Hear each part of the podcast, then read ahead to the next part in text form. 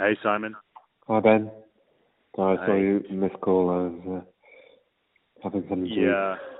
Yeah, I, I, I know you're on leave, so am I. But that, Yeah. uh, you obviously know what happened at the office today, so I just wanted to. Yeah. Well, I'm actually in the and- I'm actually in the office tomorrow morning. And Oh, I'm, I'm leaving Oh. at lunchtime. I've been in Brussels today. Oh, I thought you were in Switzerland to this week. I'll, I'll, I'll uh, fly down tomorrow afternoon, evening. Okay. Uh, yeah. So I, yeah, as I said, I just, Yeah. just, just hold on. I just want to get away from the nanny. Uh, so I just wanted to check in and see whether you're right, and uh, I trust you have been informed about uh, what happened at the office and the uh, fact that they've gone through both our rooms to uh, to get whatever information they needed to. Yeah, And what- I, yeah. I spoke to Ronan and Suli, and I'd heard that. I hadn't heard much else actually. That's about it. That Yeah. Yeah, but I, I don't know exactly, of course, the uh, the details of the events. But I spoke with Michiel and Ronan uh, three times during the day, and um, with Donny, who is in Barcelona. So it looks as if they uh, uh, have some form of coordination between the Italian prosecutor, um, possibly with a link into the DOJ, but we're not sure yet. But um, clearly something that I have been preparing for and um, um, and yeah, need need to do uh, now. Uh, Apparently also because of the statute of limitations that expires next month in in Italy. Um, But it uh, they were apparently quite uh, uh, yeah, first of all, well prepared, but also quite uh, forceful and brusque this morning when they got hold of uh, Annette. So I think that it rattled a few people in the office probably, and it, uh, uh, but it's during the day it sort of all turned into a fairly sort of um, uh, professionally run uh, organization from certainly from our side, but also from the side of the prosecutor. Okay. Um, it, uh, it, uh, Annette was I spoke with Annette at the end of the day, and she uh, apparently they had been in my office for about three or four hours going through everything. I have I, I have nothing OPL two four five, but anyway, they managed to take one folder, which I thought was of relevance. Uh, I have no idea what that would be, uh, and um, apparently they had been in your office. They were still in your office when I spoke with Annette at the end of the Yeah. afternoon, so they were going through things. There's a, um, a few notepads apparently and some other papers. Uh, Yeah. and there's nothing on OPL two four five that I'm aware of. We're better off looking into electronic records. Um, and then I think they were going to go to Chad's office, which of course used to be Malcolm's office. And uh, uh, according to uh, there is Suli, uh, Sila. There's a whole stack of uh, Malcolm's stuff still in there, so I, I have no idea Really? what it is. Mm. But, uh, but that uh, that could be. Uh, That's probably more interesting. yes.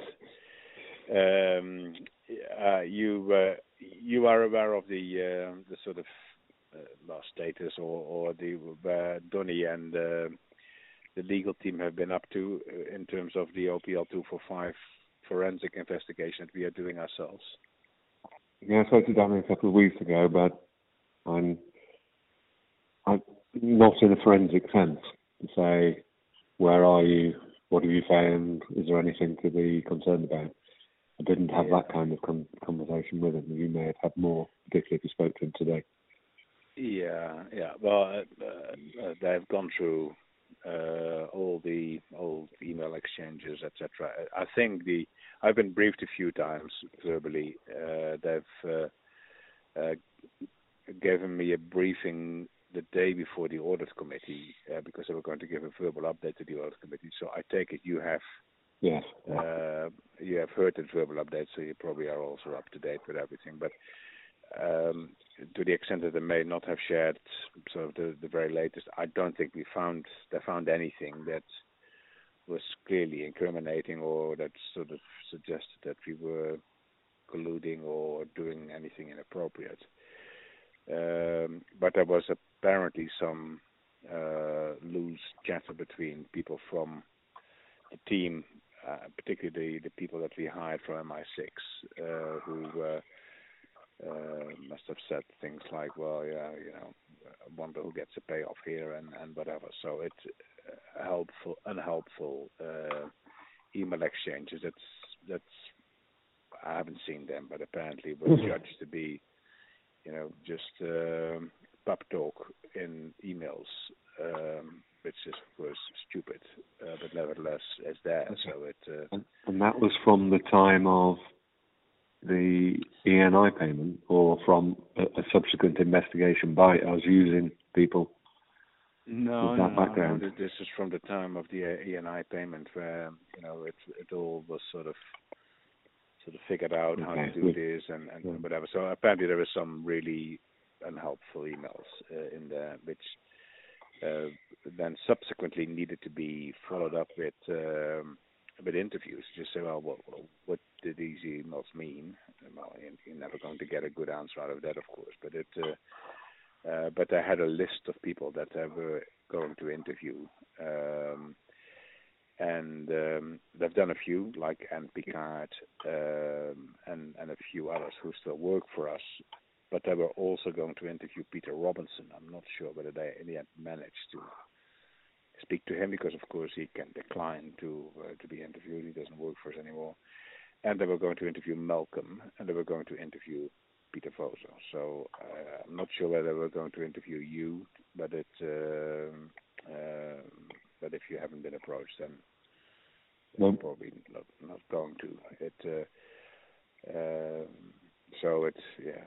Um, the whole I, I, I got a briefing at some point in time together with the uh, the law firm who said, well, yeah, we don't think we we have there is anything uh, troublesome here, but yeah, at some point in time we have to when it's all done, we have to make up our mind whether we just say, well, that's it, we've investigated everything that could be investigated, and now uh, we don't we conclude there is nothing wrong, and we'll put it to, to rest. Uh, or whether we just say, well, you know, there's a few funny things here. Maybe we should just disclose it to the DOJ because it all happened at the time we were, uh, of course, under deferred prosecution agreement. So uh, that we should have maybe at the time been more open with the DOJ than we we now uh, we now find we have been. Uh, but anyway, we, we, were we were not at that point of clarity or conclusion. So uh, in that sense, this uh, this dawn raid is is uh, well, I wouldn't say premature, but it you know we, we were not uh, we, we we hadn't concluded our own work. Yeah, I saw DOJ referenced, and you mentioned it. I, I then picked up from Ronan it was the Dutch side with a possible Italian connection, but there's definite but do you know definitely it's DOJ then? For the US? Sorry, say that again. You were. I, I only saw from the when I spoke to Ronan plus early messages from Michiel that it was the Dutch Director of Public Prosecution, and there seems to be an Italian link, but didn't pick up anything formally about the DOJ or the Americans. No, no, no, it didn't. When I spoke when I spoke with uh, Michiel this morning uh, and Donny, it uh, at some point in time they said that the DOJ was involved, that it was coordinated with the DOJ, etc. And then when I spoke to them this afternoon, uh, that story had been clarified, and they said no, there's no DOJ involvement. And the crisis team met at one o'clock and and um, uh, sort of went over who do we need to uh, inform. So do we need to inform the DOJ? Do we need to inform the Serious Fraud Office? Mm-hmm. Do we need to inform the SEC? Uh, and they were going to reflect on that. And so I told Ron and said, well, yeah, okay, let the team properly reflect on that legally and everything else.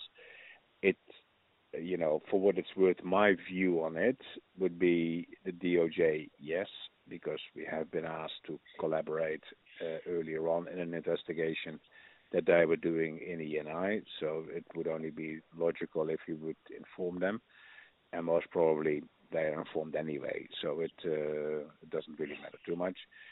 Uh, the serious fraud office, same thing. I would think uh, inform them. It uh, is probably better anyway. Yeah, the SEC, agree. I, don't know, to be perfectly honest. Uh, so I asked uh, them to contact Joe Babbitt uh, to to take to get a view on this, whether that is necessary or appropriate or desirable or whatever. Because the last thing you want, of course, is is some sort of uh, request to uh, uh, to issue a stock exchange release when there is nothing to be said other than that we are being asked to provide information. So it so I said that let Joe uh, take a view on it. I know that Joe has been informed and involved in all of this in the lead up to the prospectus issuance. So he will he will be sensitized to it all. It will not get him cold. Yeah. Uh, my instinct would be the same, the SFO, because ultimately they're following name zone to Etete. It's in the UK where Etete is, I think, uh, trying to extradite him. Uh, so, and, and in the US, DOJ, uh, FCPA is a DOJ issue, not the SEC. Yeah, exactly. So it's uh, the SEC has no there's no jurisdiction here. It's it's more um, you know is, is there anything that is share price sensitive? Well, yeah, I, I guess it depending on how you look at it, there is, but it everything is share price sensitive if you're very careful. At this particular point in time, that seems to be the case. Sorry. Okay. No, at this point in time, everything seems to be share price Yeah. exactly, exactly. Anyway, so uh, I just wanted to touch base with you, see whether you uh, you had any Okay. uh, Well, any reflections, you were all right, etc. But it, if you're in the office, I'm in France, uh, so let's see whether there's a need to, um, or why don't we just check in tomorrow with each other and see how things are going. Well, I will go in because if I don't, it will look odd because they know I was due to go in just for a couple of hours, or four hours tomorrow morning before I leave. Yeah. Uh, and they were not, or Sue certainly wasn't, because she stayed with them until they'd finished, and she wasn't clear whether they were coming back. I don't think they were clear whether they were coming back. Uh, uh, and if they are there, then we'll just deal with it. Sorry, uh, say that again. If, if they are there, then we'll just deal with it in a professional manner. Yeah, yeah. I, I, you know, you, you probably know what to do. So don't, yeah, don't volunteer any information that is not requested. So it, uh, and we just, but I think probably they have gone through everything that I need to go through.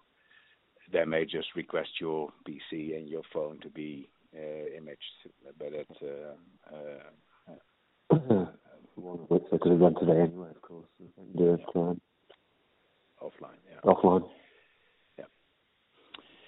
Yeah. Okay. Okay. Very good. Well, thanks for the follow up, and I'll let Okay. you know if anything happens tomorrow. Yeah. Uh, yeah.